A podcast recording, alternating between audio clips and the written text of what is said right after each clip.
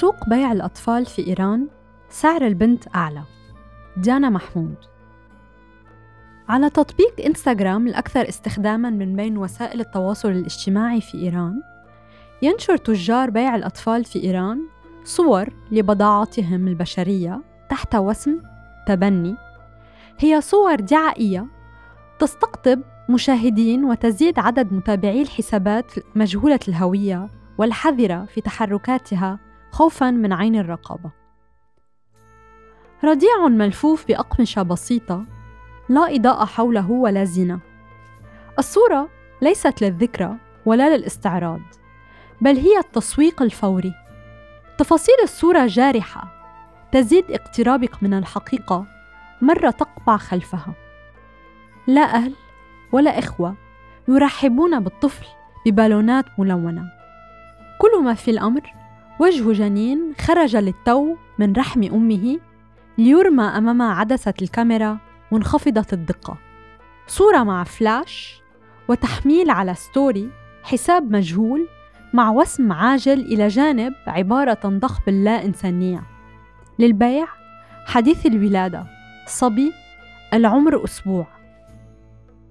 لتحاشي تهمة بيع الأطفال حديثي الولادة يلجأ التجار إلى استخدام مصطلح التبني لتسهيل معاملاتهم.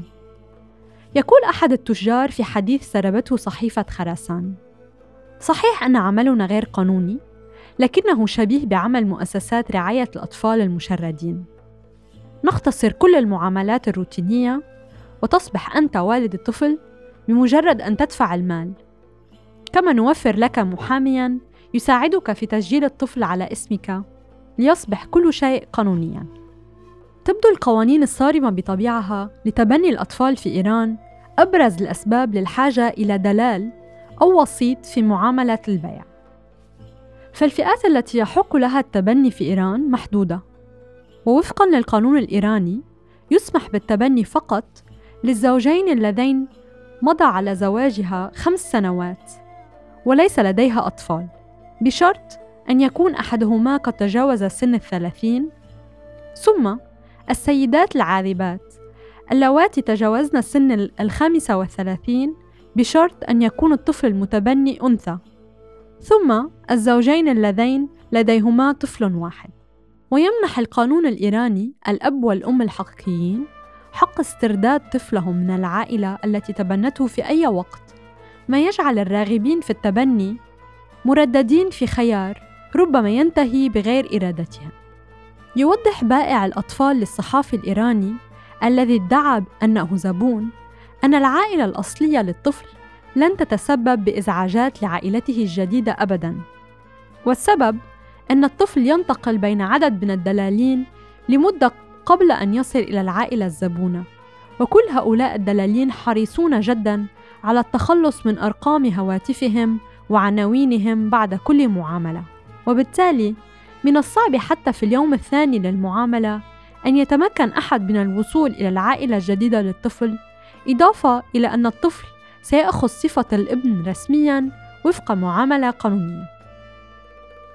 يقف القدر السيء أمام أمهات عاجزات لأسباب عديدة عن تربية أطفالهن فيلجأن إلى بيعهم اعتقادا منهن بأن هذا القرار صائب وسينقذ الطفل من حياة مليئة بالفقر والمذلة. تبرر إحدى دلالات بيع الأطفال وهي شابة من مدينة مهاباد بيعها لطفل أقربائها الذي لم يولد بعد بأنهم لن يتمكنوا من تأمين حياة كريمة له ولذلك الأفضل له أن يحظى بعائلة مقتدرة. وتضيف الشابة في حديث عبر الهاتف مع وكالة كورد بريس أن عائلة الجنين الذي بيع قبل أن يصل إلى الحياة لديها طفلان آخران وترغب في بيع هذا الجنين لأنه جاء عبر حمل غير مرغوب فيه وبذلك توفر حياة أفضل له ولإخوته. تقول سايا 33 سنة وهي موظفة في شركة تجارية أن فكرة بيع الأطفال راودتها منذ أشهر عندما كانت تبحث عن تجارب وسوابق للإجهاض على مواقع التواصل الاجتماعي مر أمامها منشور يحمل سؤالا خاصا هل تريدين الإجهاض؟ تمهلي هناك حل في البداية لم ترغب سايا بقراءة مواعظ تحول بينها وبين قرار الإجهاض لكنها تفاجأت بأن الأمر مختلف بالمطلق والعبء الذي تريد التخلص منه وهي وزوجها ربما يتحول إلى معونة مالية. تقول سايا لرصيف 22: كنت مترددة في موضوع الإجهاض، فأنا وزوجي لا نرغب بالأطفال حالياً، ولكن الطبيب حاول إقناعنا بعدم التخلي عن الجنين الذي تجاوز أسابيعه الستة عشر وحذرنا من أضرار الإجهاض.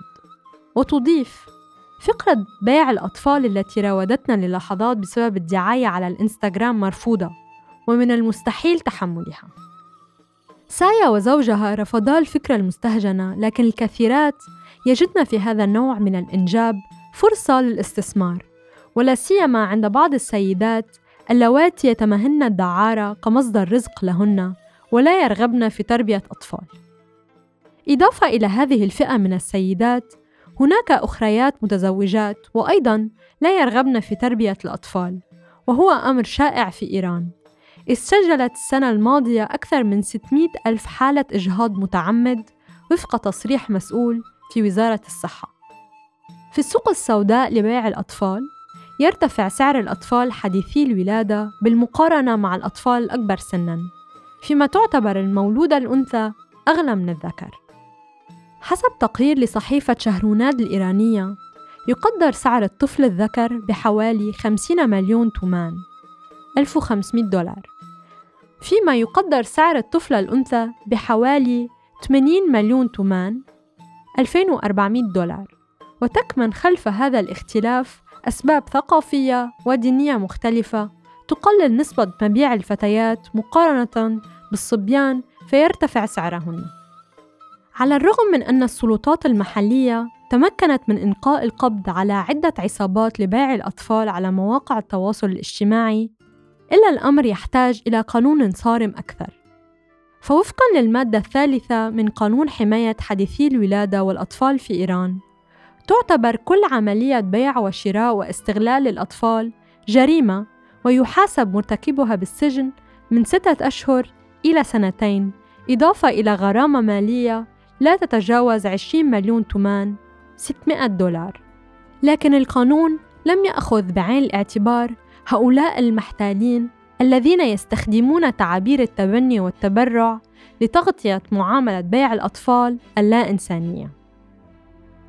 الضغوط الاقتصادية وانعدام عمل المؤسسات المدنية في غياب القانون وسلطاته جعل أرق الموجودات وهم الأطفال عرضة للاستغلال وضحية ستعود على المجتمع بأزمات أخرى